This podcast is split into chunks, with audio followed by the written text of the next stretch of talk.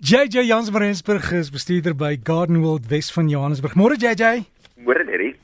JJ, ek het in die week verby een van my bure gery en toe moes ek net lag want weet jy as jy in 'n kwekery kom en die blommetjies blom en jy koop en dit lyk so mooi daar en jy gaan plant dit by die huis in die verkeerde plek, dan gaan dit nie groei nie, né? En ek ek ry daar uit hierdie groot skadieboom en ek weet nie hoeveel bakkies Afrikanertjies het hulle onder hom geplant wat almal nou blom nie. Maar hulle gaan nie daar groei nie, né? Dit is gewoonlik die Afrikanertjies wat die skuld kry. Definitief nie die mense wat dit op 'n verkeerde plek plant nie. maar daai goed- mense sal nooit weer in hulle lewe Afrikanertjies plant nie. Maar ja, nee. Dit is nou die groot fout wat ons maak. Ons kyk nie altyd waar die plante aard nie. Ons vra nie altyd nie. Weet ons het ons as Suid-Afrikaners is te bang om te vra. Is dit nie so nie? Dis so JJ en dan plant ons dit verkeerd en sê dis jou skuld. Ja nee definitief. En die Afrikanertjies is eintlik so pragtig hierdie jaar met al die hitte wat ons kry, vol son, doen hulle op hulle beste. So as jy wel Afrikanertjies vir die huis gaan plant, maak seker jy gee vir hulle soveel as moontlik son. Interessant nogal, ek het altyd gedog Afrikanertjies is inheems, maar toevallig is hy nou nie. toevallig kom hy van Brasilië se kant af, as ek dit nie mis het nie. Maar ja, uh ek het altyd gedog hy was inheems, maar 'n Afrikanertjie is so 'n dankbare plant vir jou om in jou tuin te plant. Veral as jy 'n lekker warm, droë, sonnige bedding het, plant hom sommer daar. En kry nog daai wat so 'n meter of meer groot word JJ? Die oor die algemeen kry jy hulle nie meer so baie nie. Nee. Jy kan hulle wel nog in saad koop, maar mense hou deur deesdae daarvan om meer die laer groeiende ene met die groter blomme, die sterker plante te plant wat nie so maklik gaan breek in die sterker winde nie. So kyk maar ek vir die nuwe variëteite wat uit is, gee jou baie meer blomme as wat jy aan gewoond is en die plante self is maar net baie sterker. En hulle het nie so baie water nodig nie. As jy hulle tussen die tomaties plant, hou hulle die goggas weg. Dis in omtrent enige groente hou hulle die goggas weg. Hulle doen ongelooflik goed in jou groentetuin. Hy gee nie net kleur nie, maar hou die goggas weg en dan kan jy hulle nog ook in die grond inspit dat hulle jou help teen alwurm. Onthou alwurm is wanneer jy jou wortels van jou plante so snaakse knoetse op hulle kry. Dan kan jy sommer die alwurm ook dood met die afrikanertjies wat jy daar inspit. Wat is beskikbaar wat veilig is om onkruide tussen plaveisselstene te verwyder? Ek weet kookwater werk baie goed, maar is daar 'n produk op die mark JJ? Nee, Derek, is heel interessant dat jy nou daai vraag vra want ek het vroeër die week het presies dieselfde vraag gehad um van iemand af en my antwoord was gebruik gewone kookwater. Onthou as jy mens kyk na enige van jou insekdoders en so en ek glo nie hulle word altyd of sorry enige van jou plantdoders. Ek word nie ek dink nie hulle word altyd op insekte so seer getoets nie, want hulle word getoets om te kyk of hulle wel die werk doen wat hulle gesê wat wat hulle sê hulle gaan doen. Nou um baie van jou uh plantdoders is groenbandprodukte, so hulle is eintlik baie veilig om te gebruik vir die omgewing, vir die natuur, vir jou as mens. Maar hoe hoe vriendelik is hulle teenoor die insekte? Dit gaan ek nie vir jou kan sê nie. Ek sou gehou het by die kookwater. Jy het 'n baie goeie punt daar weet.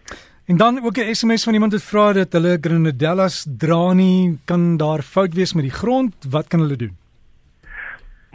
Man, Grendellas wat nie dra nie is nog 'n probleem, veral vir mense wat nie ge, uh, wat nog nooit regtig hulle Grendellas in die aan die dra gehad het nie. Want 'n mens kry blom Grendellas en 'n mens kry vrugdraende Grendellas. So eerste van alles maak seker dat jy wel 'n vrugdraende Grenadella het. Tweede van alles is daar is nie genoeg insekte meer oor om die Grenadellas behoorlik te bestuif nie. En dit is nou waar jy met 'n poeierkwassie of met 'n veertjie wat ook al eintlik tussen die blommetjies kan deurhardloop en hulle letterlik net oor uh, heen en weer vryf. Jy weet jy vryf basies jou poeierkas kwas oor die blommetjies en dan weet jy dat jy die styfmeels op die stampers kry en soos jy van een blom na die ander en beweeg, kry styf jy hulle sommer van een blom na die ander en dan behoort hy ook vir jou baie beter te dra.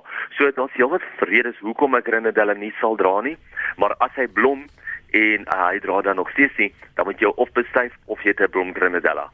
Jy sê plekke wat baie droog is as jy moet water gee, kan jy dit net vinnig doen of moet jy maar lank spuit? Dit die grootste fout wat 'n mens maak is eintlik om te probeer om jou plante elke dag 'n klein bietjie water te gee. Beter om eintlik jou plante elke tweede of derde dag bietjie langer te benat. So hou eerder daai water wat jy sou gehou het vir daai elke aand vir 3 aande aan mekaar dat jy eerder langer en dieper kan benat, want dan gaan jy verseker dat die grond dieper benat word en ook dat die wortels baie dieper ontwikkel. Ongelukkig as jy hom elke dag gaan benat, dan is daar geen rede vir die plant om sy wortels te ontwikkel nie, want hy kry mos sy kos en sy water elke dag by hom. So jy moet nou seker maak dat jy hom dieper kan benat in plaas van om net daai oppervlakkige grond nat te maak wat baie vinnig verdamp. Want as hy baie vinnig verdamp en die water kom nie regtig by die wortels uit nie, help dit jou eintlik glad nie. Jessie ander take daar op jou lys? Right. Wie jy Derek is eintlik heel interessant. Ek het die mense gehad wat my hierdie week geskakel het in verband met hulle plante wat geskeur het, wat letterlik in die helfte deur gebreek het of geskeur het met die sterk winde. Ek weet daar was baie sterk winde hierdie week gewees, eh, meer na die suide se kant toe, meer na Vereniging Sasolburg se kant toe. En dit dit is eintlik iets wat 'n mens nog steeds kan red. Jy kan daai plant red. So wat 'n mens moet onthou is Jy moet hom so vinnig as moontlik probeer red nadat hy geskeur of nadat hy gebreek het. So wat jy doen is probeer om die wond, probeer om die twee stukke weer baie mooi aan mekaar vas te laat heg. Soos byvoorbeeld 'n ou legkaart wat ons almal nou al mee gespeel het. Probeer om daai punte te kry dat hulle mooi in mekaar weer indruk. Gooi hom goed nat aan die binnekant voordat jy hulle mekaar indruk en dan vir dan dan kan jy hom vasbind met 'n verband. Ek weet ons praat baie van hierdie watergel wat 'n mens kry wat jy uh in die potte kan inmeng wat water terughou vir jou plante of in die beddings kan inmeng wat jy water terughou. Mens kan selfs bietjie van daai gel aanmaak en dit ook daarin gooi want hy gaan hom ook lekker vogtig hou.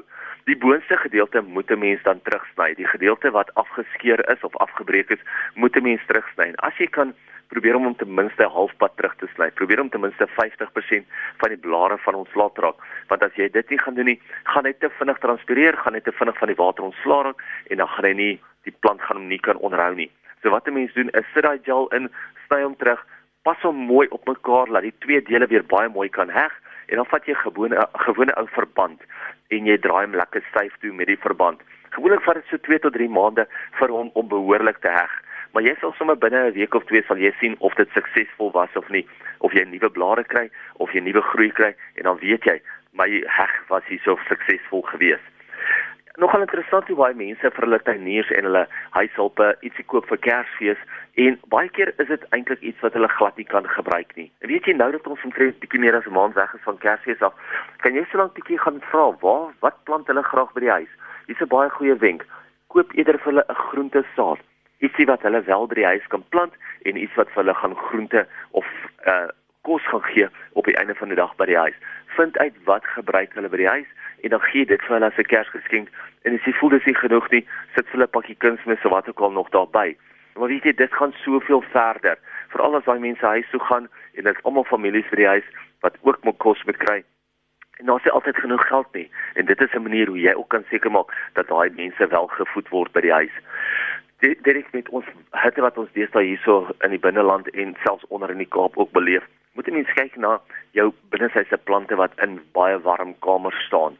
Die ons vergeet so gereeld van hulle om hulle gereeld nat te maak. Of ons gaan weg vir 'n naweek of 'n week of so en dan staan hy plante ergens in 'n baie warm plek en is dor, dis droog, die lug is droog en dan um, kan hulle baie maklik seer kry. Dit is baie belangrik om seker te maak dat jy daai plante meer gereeld nat maak of dat jy ietsie wel in daai potte inwerk wat meer water kan terughou. Ek het net nou gepraat van die gel, 'n mens kry veen, mens kry deesdae selfs 'n tipe van 'n um rock wool, die rotswol wat tot en met 20, 30 jaar in die grond hou. So mense kan selfs dit ook in die grond inwerk net om seker te maak dat die vrog vogwerk wel teruggehou word en sodat die plante vir langer nat gehou word. Uh die groot probleem is of dit mense baie keer hulle plante baie naby aan baie warm vensters los. Onthou, daai binnesyse plant al is hy binnesyse plant al is in 'n gekontroleerde omgewing, as hy baie naby aan 'n baie warm venster staan waar die son hom gaan bak, gaan hy brand en dit is baie belangrik om hom dan nou uit te skuif agter 'n muur in, agter 'n bietjie dieper weg van die son af sodat hy nie so maklik brand deur die vensters wat wat wat die son die die helder skerp lig deur weer gee nie.